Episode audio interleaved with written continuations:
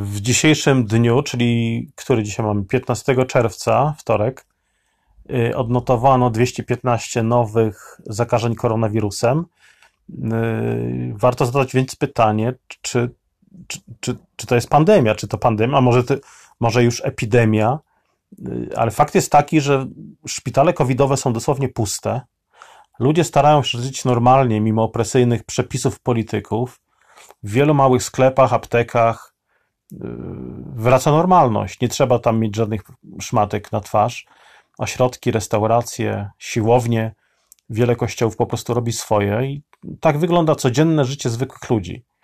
To raczej politycy żyją w swoim alternatywnym, odrealnionym świecie i kreują świat zniewolenia i strachu, ale na szczęście z tego co widać, coraz mniej osób się temu poddaje.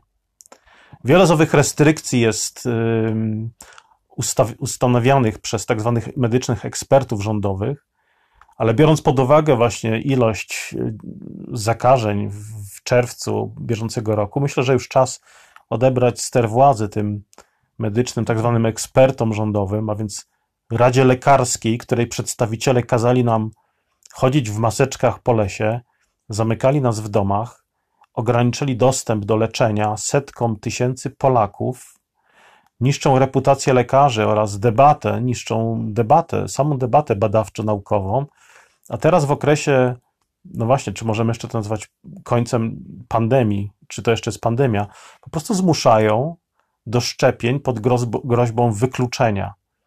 Myślę, że jak najszybciej należy rozgonić to towarzystwo. Nie ma wątpliwości, że restrykcje i niszczenie naszych praw będzie trwało tak długo, jak to gremium będzie trwało. Oczywiście w ich interesie owej Rady Medycznej, można odpowiedzieć, no wiesz, rządu, jest jak najdłuższe utrzymywanie tego paraliżu. Bowiem podtrzymywaniem stanu zagrożenia, nawet kiedy szpitale covidowe są no, dosłownie puste, muszą nadawać sens swojemu istnieniu.